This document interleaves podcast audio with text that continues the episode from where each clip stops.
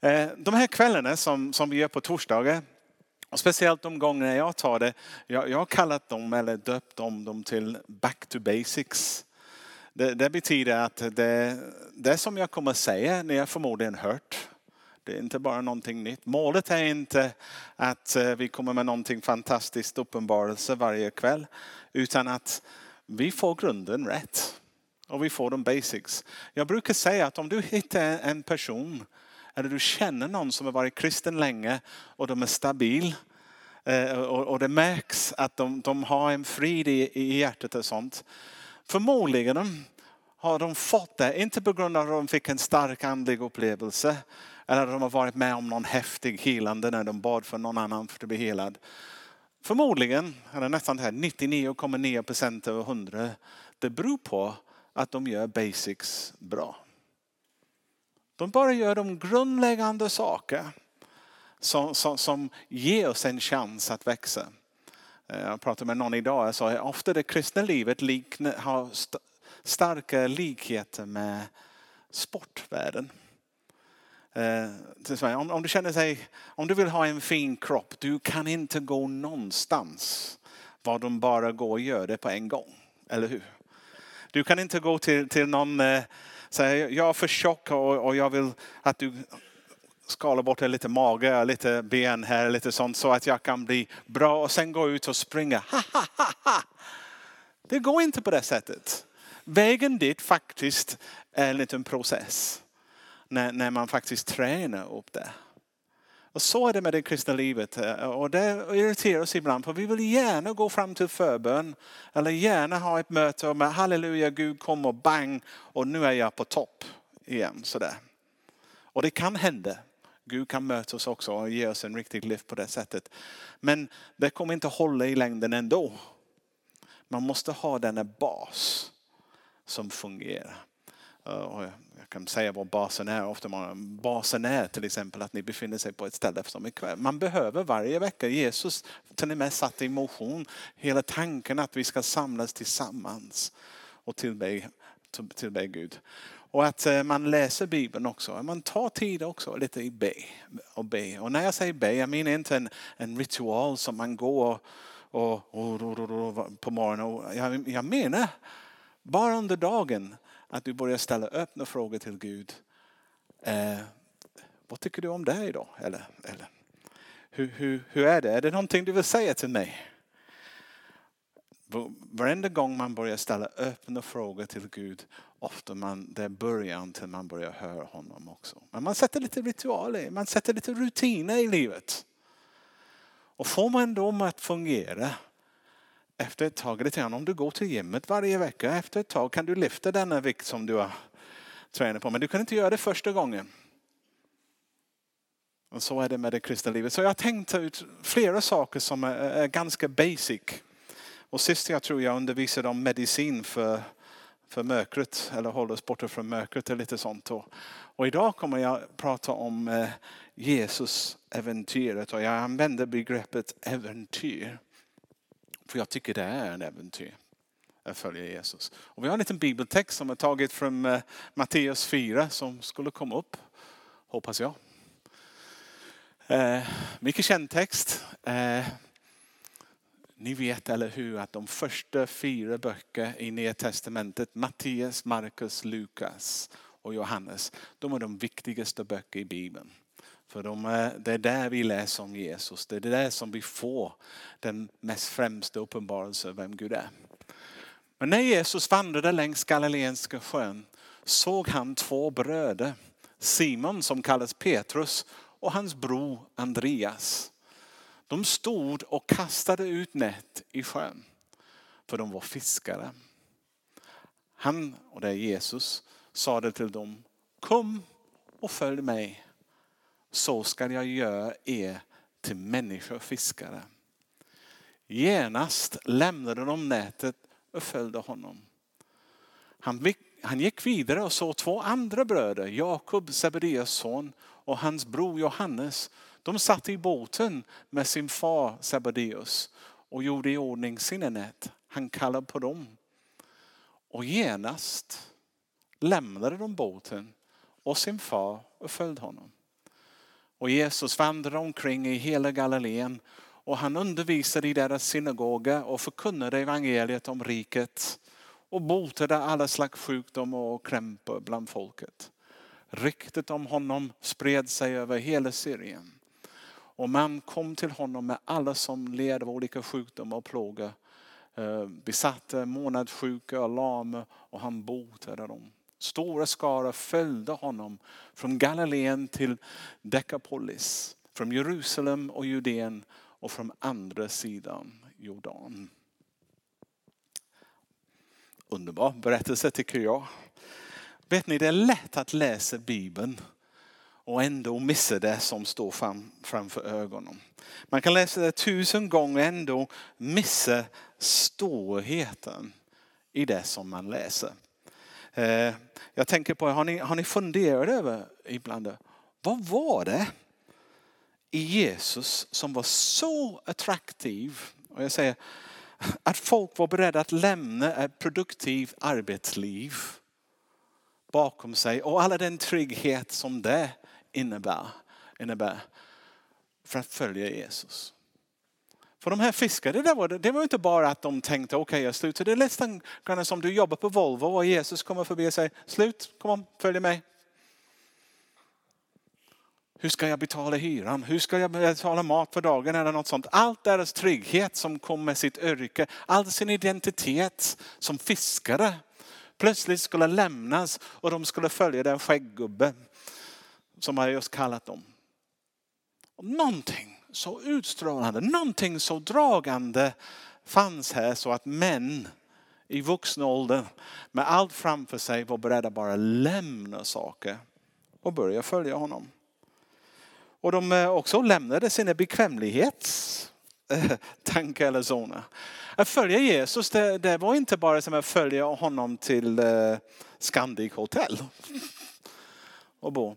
Han bor där ute på landet, olika byar. Man visste inte var man skulle vara dagen efter. Det var en vandring från plats till plats och man visste aldrig riktigt var man skulle hamna.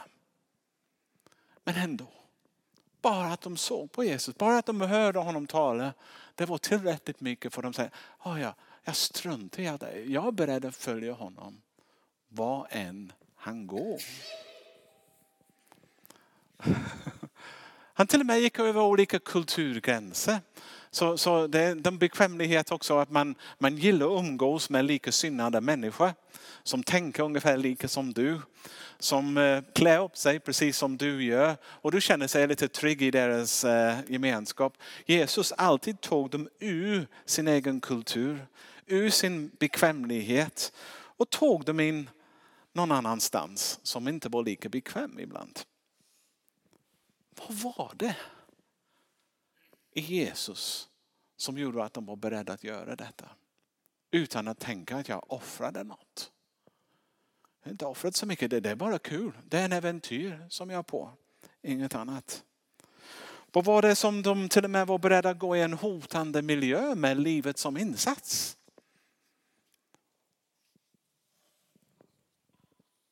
Vad var det som Jesus sa? Vad var det som Jesus erbjöd dem? Som gjorde det så att de var beredda att göra detta utan att tänka på sin egen säkerhet. Ja, vad var det som var starkare än rädsla? Eller vad var det hos, hos Jesus som var så viktigt att de skulle lämna sina familjer och andra viktiga relationer bakom sig för att följa denna mannen? Och du kan läsa texterna. Det var inte som att de hade, lära, de hade fått lära känna honom så mycket. Det var inte så att de umgicks med honom en månad och tänkte ja, han är en sund kille, då hänger vi med. Det var mer att de mötte honom och med det mötet hände någonting i deras hjärta. Som resulterade att det blev en förvandling av allt och deras värderingar, det som de tyckte var viktigt, det som var fokus och sånt sådär. Och de började satsa på, vi hänger med honom. Det är det som vi vill göra mer än allt annat. Och eh, när vi läser evangeliet, eh, eh, alla människor, Och man ska säga även nu för tiden också. Alla människor som följer sig. Det är samma sak. Ingen på något sätt går neutral. Antingen är man emot eller man för eller man imponeras eller man avskyr nästan lite så när Jesus kommer. Men du kan, du kan inte möta Jesus och vara opåverkad. Inte den riktiga Jesus. För, för den, den möjlighet finns inte. För den lika starka dragkraft som han hade i Nya Testamentet har han även idag. Och när man har smakat på det, när man har börjat följa och uppleva det, det finns ingen återvändning. Man vill inte, inte gå någon annan sätt. Eh, och, jag, och jag är väldigt glad när man läser evangeliet också. Man ser att det var inte bara perfekt högutbildade människor som följde Jesus. Han till och med, nästan som om man kan säga, han undvek dem lite. Och prioriterade de andra. Som inte hade den största plats, största inflytande i samhället. Jag skulle säga för, för, det, för det mesta för mig, han, han plockade normala människor. Inte extraordinära människor för att följa honom. Och de gjorde det. Och de förvandlade sitt liv. Och eh, flera av dem också hade bagage. Flera av dem hade en kriminell bakgrund. Man kan läsa om tullindrivare, man kan läsa om andra sådana. De, de var inte perfekta. Flera av dem hade förutfattade meningar. Flera av dem hade bruten relation eller vad, vad kan man säga? Det var hela paket. Och de var beredda att Jesus, han vill jag följa. Han vill jag sätta fokus på. Och de hade det gemensamt. Jesus gjorde en skillnad i deras liv. En annan intressant tanke på detta är att de förvandlas under tiden de följde. Vi har lite i vår tid en liten, vad kan man säga, instant händelse i våra förväntningar. Och det är samma dag den äkta mötet med Jesus ska gå bang sådär. Men det var under tiden de vandrade med Jesus att de förvandlades. Någonting hände för, i början för att de ska följa honom. Men sen under den resa, som var en resa, det var som att gå. Det var som att leva livet måndag, tisdag, onsdag, torsdag, fredag, lördag, söndag. Med honom.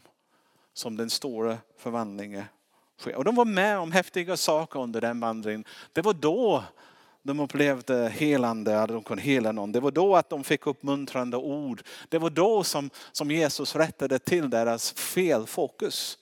Eller deras feluppfattning om vad, kom ihåg två av hans lärjungar ibland när någon, någon var inte så glad för Jesus. Som sa, ska vi, kasta ner, ska vi be Gud kasta ner eld från himlen? Och Jesus sa, nej det är inte den typen av evangelisation jag, vill, jag står för. Det är inte vad mitt hjärta står för. Han fick rätta till deras uppfattning under tiden de följde honom och hängde med honom. Eh, det fanns också många utmaningar eh, från Jesus också. Ibland tillrättvisningar också.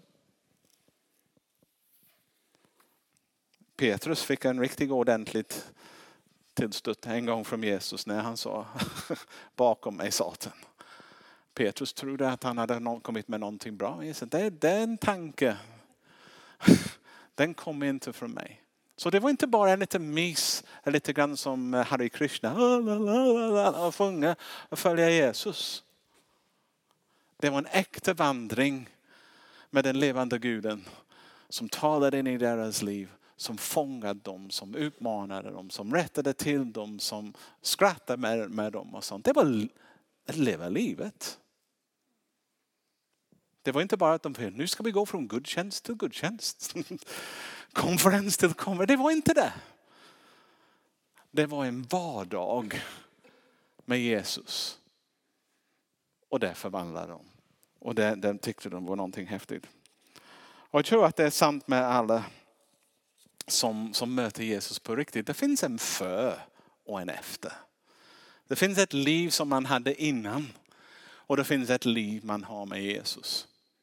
Den stund när man säger jag vill följa dig Jesus. Jag vill leva det livet som du erbjuder och följa honom. Och jag kan säga, du kan, vilken, vilken kristen ledare vill du läsa om? Jag skrev upp några, Augustinus, en av de kyrkofäder. Egentligen, han var en playboy. Det var han. Han, han levde livet för kvinnor och, och fester och sånt sådär. Och sen plötsligt möter han Jesus och han blir en av de mest eh, formativa kyrkoledare i, i, i, den första, i den tidigare kyrkan. Och sen, vad kan man prata om också? Martin Luther. Han förvandlades från att vara en religiös munk till en verkligen brinnande evangelist när han fick möta Jesus. Dietrich Bonhoeffer och jag kan tänka miljon annan. Det finns en kille som heter Benjamin Wolfbrandt. Han fick också möta Jesus. Eller? Och Jenny och Roger, har du fått möta honom? Och Marie?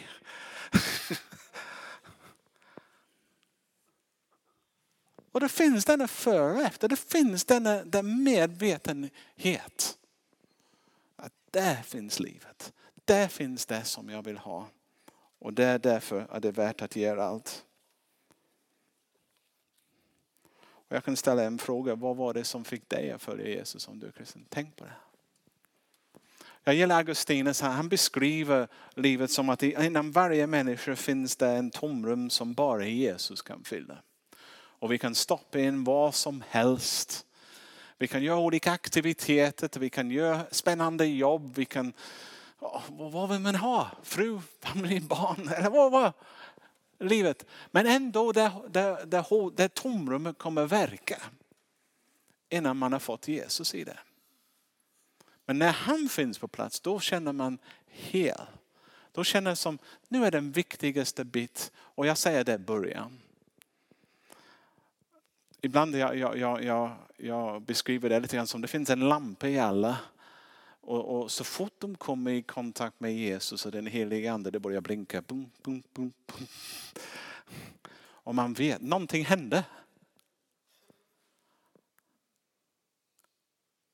Och, man märker också när man, man, man är med och bara pratar med folk och sånt och sen plötsligt man märker att de börjar öppna sig för Jesus. Man ser lampan nästan i dem gå bing, bing, bing, bing. Eller hur? Är det jag som bara pratar konstigt? Lite nickande är det bra för predikanter. Även om det är mörkt här kan jag se ingenting.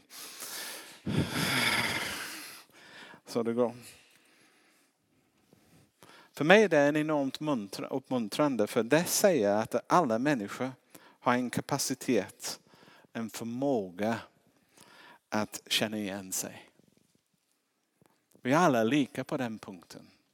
Vi alla har en, en för, förmåga att möta Jesus. Det finns ingen som är utanför.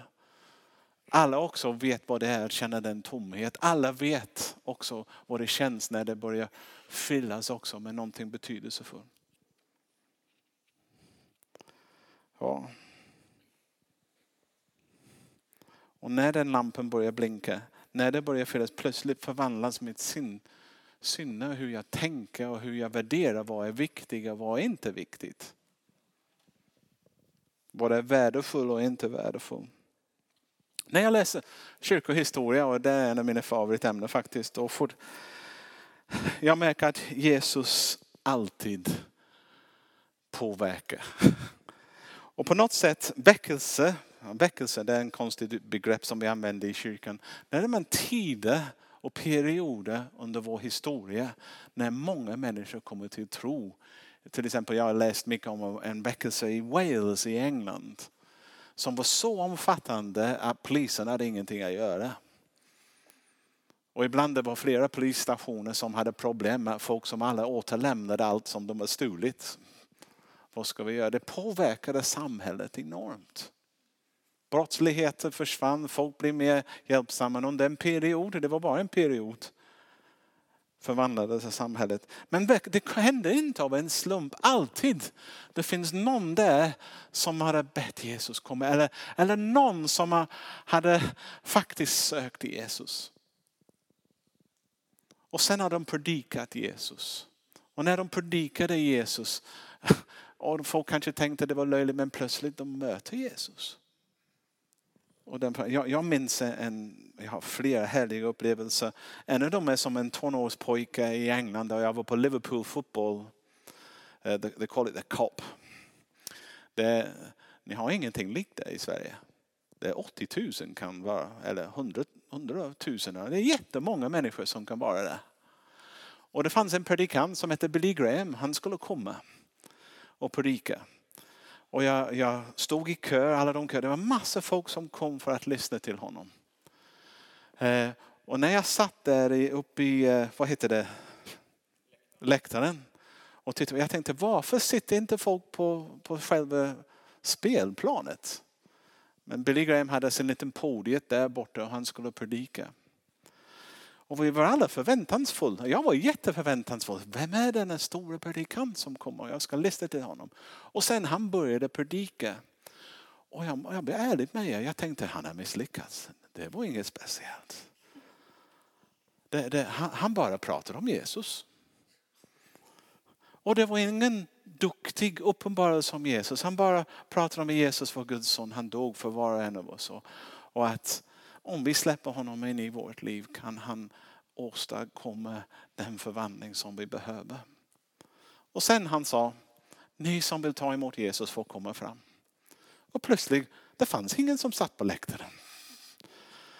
Gräsplanen var fullpackad med folk i tårar, eh, ner på knä och sånt sådär. Jag tänkte jag kan vara en stor evangelist om det är bara det som krävs. Lite sånt. En enkel budskap om Jesus räckte för att tusentals människor skulle komma in i ett nytt liv. Jag skulle säga nu, om du går i England till de flesta präster och pastorer som ungefär går i pension nu. Säkert åtta av tio av dem kom till tro under en Billy Graham-kampanj. Så, så det, det konstigt. Jag pratade med dem. När kom du till tro? När, när började du tro på Ja, det, jag var på en Billy Graham-möte. Jag var på en Billy Graham-möte. Jag var på en Billy Graham-möte. Sånt sådär. En, en, en enkel början ledde till en helt annan riktning för deras liv. En helt annan fokus. Och inte bara nog med det, många andra fick en ny fokus på grund av att de hade fått möta Jesus. Den uppståndne Jesus. Eh, nu, det finns faktiskt en, en, eh, en relation mellan hur mycket plats kyrkan ger till Jesus och hur mycket vi kan se hända och hur mycket vi kan påverka vårt samhälle. Lika mycket som det finns en, en relation mellan hur mycket plats i mitt liv jag är beredd att släppa till Jesus och hur mycket jag kan se hända både i mig och genom mig. Jag säger inte att jag är bättre än någon annan. Jag säger inte att jag, det är inte det som jag säger. Jag säger att det mer vi öppnar oss för Jesus, det mer han tar plats. Det mer han använder oss och det mer han kan genomföra med oss. Och det är lite grann, ska jag släppa in honom i min, i min eh, sexualitet? Ska jag släppa in honom i mitt arbete? Ska jag släppa in honom i, min, hur, hur, i min fritid? Vi har olika rum, olika tankar. Hur långt får han gå? Hur djupt in i mig är jag beredd att släppa in Jesus? Och det mer jag gör det, det mer äventyr kommer jag uppleva det mer helhet jag kommer att uppleva i mitt hjärta. Och det mer roligt och kul det är faktiskt. Det är väl mindre ångest, mindre oro. På något sätt, det mer du släpper in honom, det mer han växer. Och det mer han växer, det, då alla våra bekymmer och andra saker, de krymper. Eller? Lite nickande. Eller talar jag ett annat språk? Så, som det går. Jag är en pingstkyrka, man märker inte det ibland. Men vi, vi jobbar på det.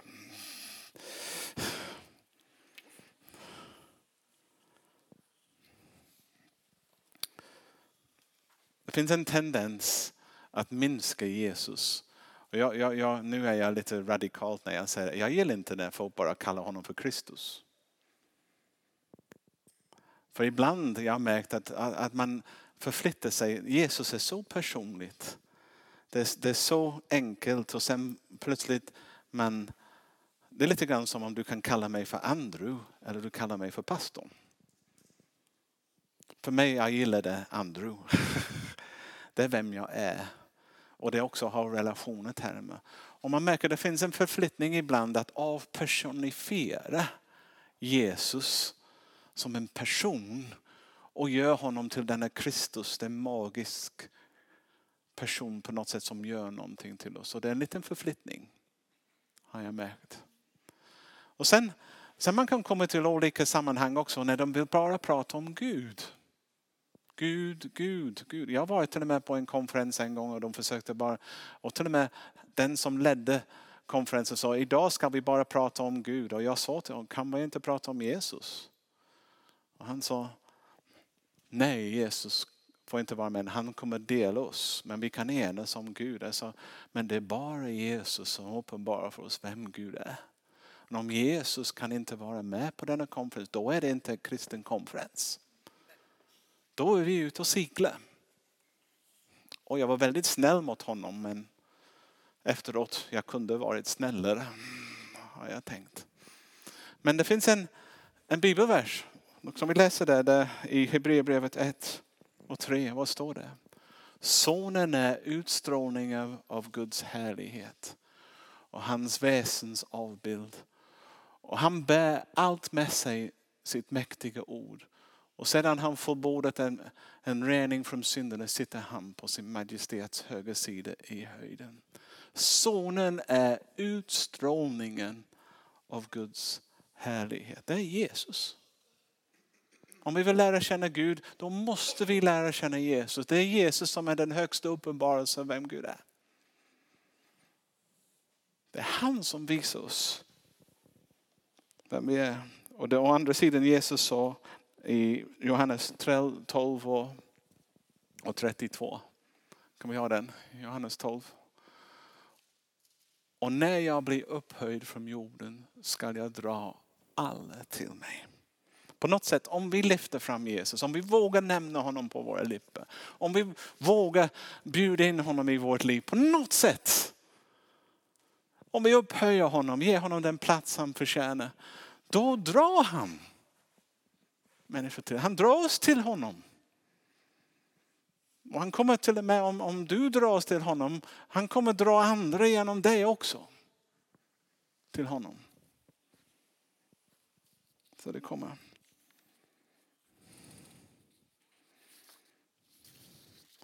Tappar min papper här så jag bara försöker säga det.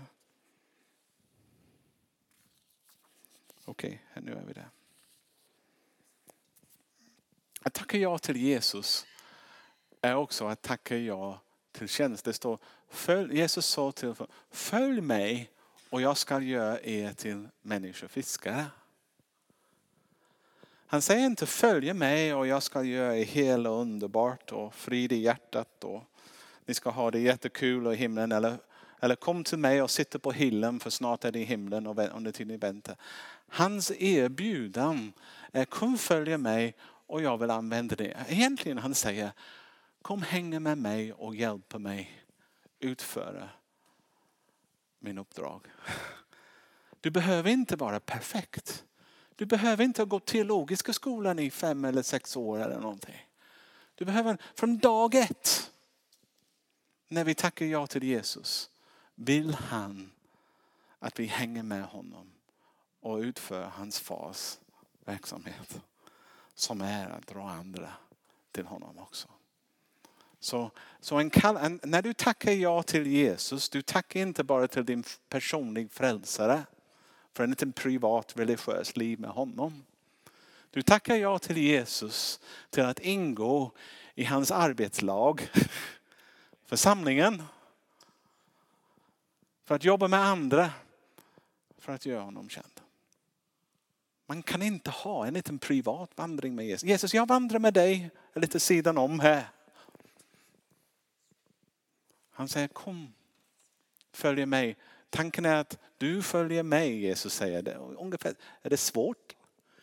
Jag sa inte jag kommer följa dig. Jag är ingen jultomte som du kan bara vända till när folk, saker och ting är svårt. Mitt liv vill jag dela med dig. Du får ingå i mitt liv. Och du får del av allt den goda som jag har att ge. Och du får också den rikedom som, som jag har. Jag pratar inte pengar, jag pratar om, om eh, rikedom rikdom för mig. Jag vet att du är älskad. Att, att känna den stabilitet, känna den fullhet av hans härlighet i ditt liv. Och detta är så attraktivt. Vi hade en liten bibelstudiegrupp i, veck i veckan och en kille började berätta om att han vittnade och hur bra det var. Den andra killen i gruppen sa, oj det var så vackert när, jag, när du sa det. Han kom av sig killen som tänkte, trodde det var kritik först. Och sånt. Nej, det är ett sätt att uttrycka det när folk möter, det, det gör mig så glad i hjärtat och jag blir så glad också. Bara för att höra det. Det är detta som gör livet så attraktivt. Och det är äventyret som, som gör livet värt att leva. Jag har skrivit här, visst Gud älskar mig som jag är, men att stanna kvar är att missa vad Gud har för mig. Jesus är ständigt på vandring och det gäller att hänga med honom så, så, så nära den någonsin går. Sen till sist innan jag tycker jag håller på kort. Ja, jag gör bra idag. Till sist, låt oss aldrig blanda ihop religion och Jesus efterföljelse. En av dessa är tråkig som helst. Det är massa ritualer. Det är massa måste och krav som man måste genomföra och förpliktelser. Den andra är en dynamiskt spännande och det ger en enorm tillfredsställelse. Religiösa rutiner kan ha en värde om de leder oss till Jesus. Om man gör en rutin för att möta Jesus, men om det bara är en rutin, om det bara är en ritual utan att Jesus faktiskt finns där eller kommer in, då är det inte värt. Då är det bara du lägger till en liten rytm på ditt liv. Men det är Jesus som gör skillnad. Och vi kan vi kan lära känna massa fakta om Gud. Vi kan läsa Bibeln från perm till perm. Vi kan vara duktiga teologer som. Men om vi inte känner Jesus eller följer honom, då finns det inte mycket som är attraktiv för dig själv eller i dig. För även andra att följa. Jag är övertygad om att om vi på allvar, och jag menar på allvar, och jag menar inte bara er, jag menar mig med också överlåter oss dagligen till att följa Jesus. Att nämna hans namn, att bjuda om in oss ännu mer. Och till och med ställa frågor. Du, jag, vill hänga med dig, jag vill hänga med dig idag. Vad, vad, vad ska vi göra? Finns det något speciellt som du vill att jag gör?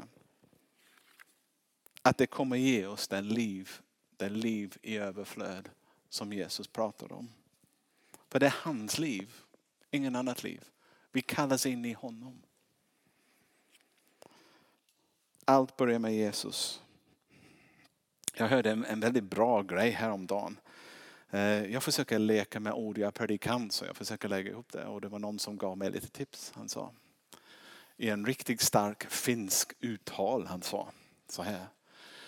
När jag tittar på andra människor, även andra kristna, sa han, blir jag eh, förvirrad. Så.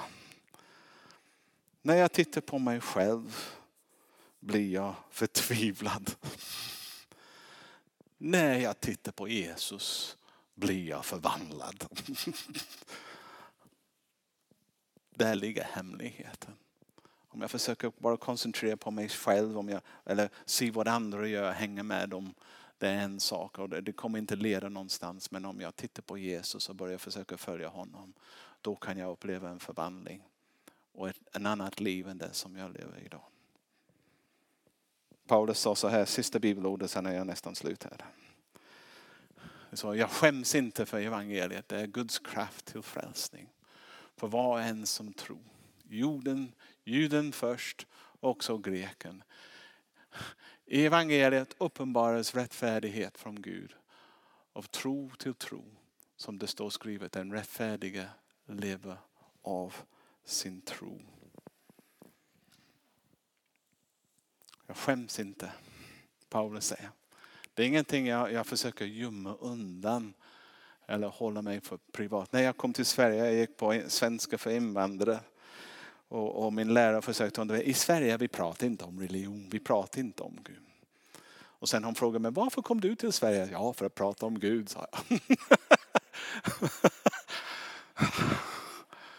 Och hon fick inte ihop det. Hon tänkte, men, men, men det kommer inte gå. Jag sa, det kommer gå utmärkt, ni kommer märka det.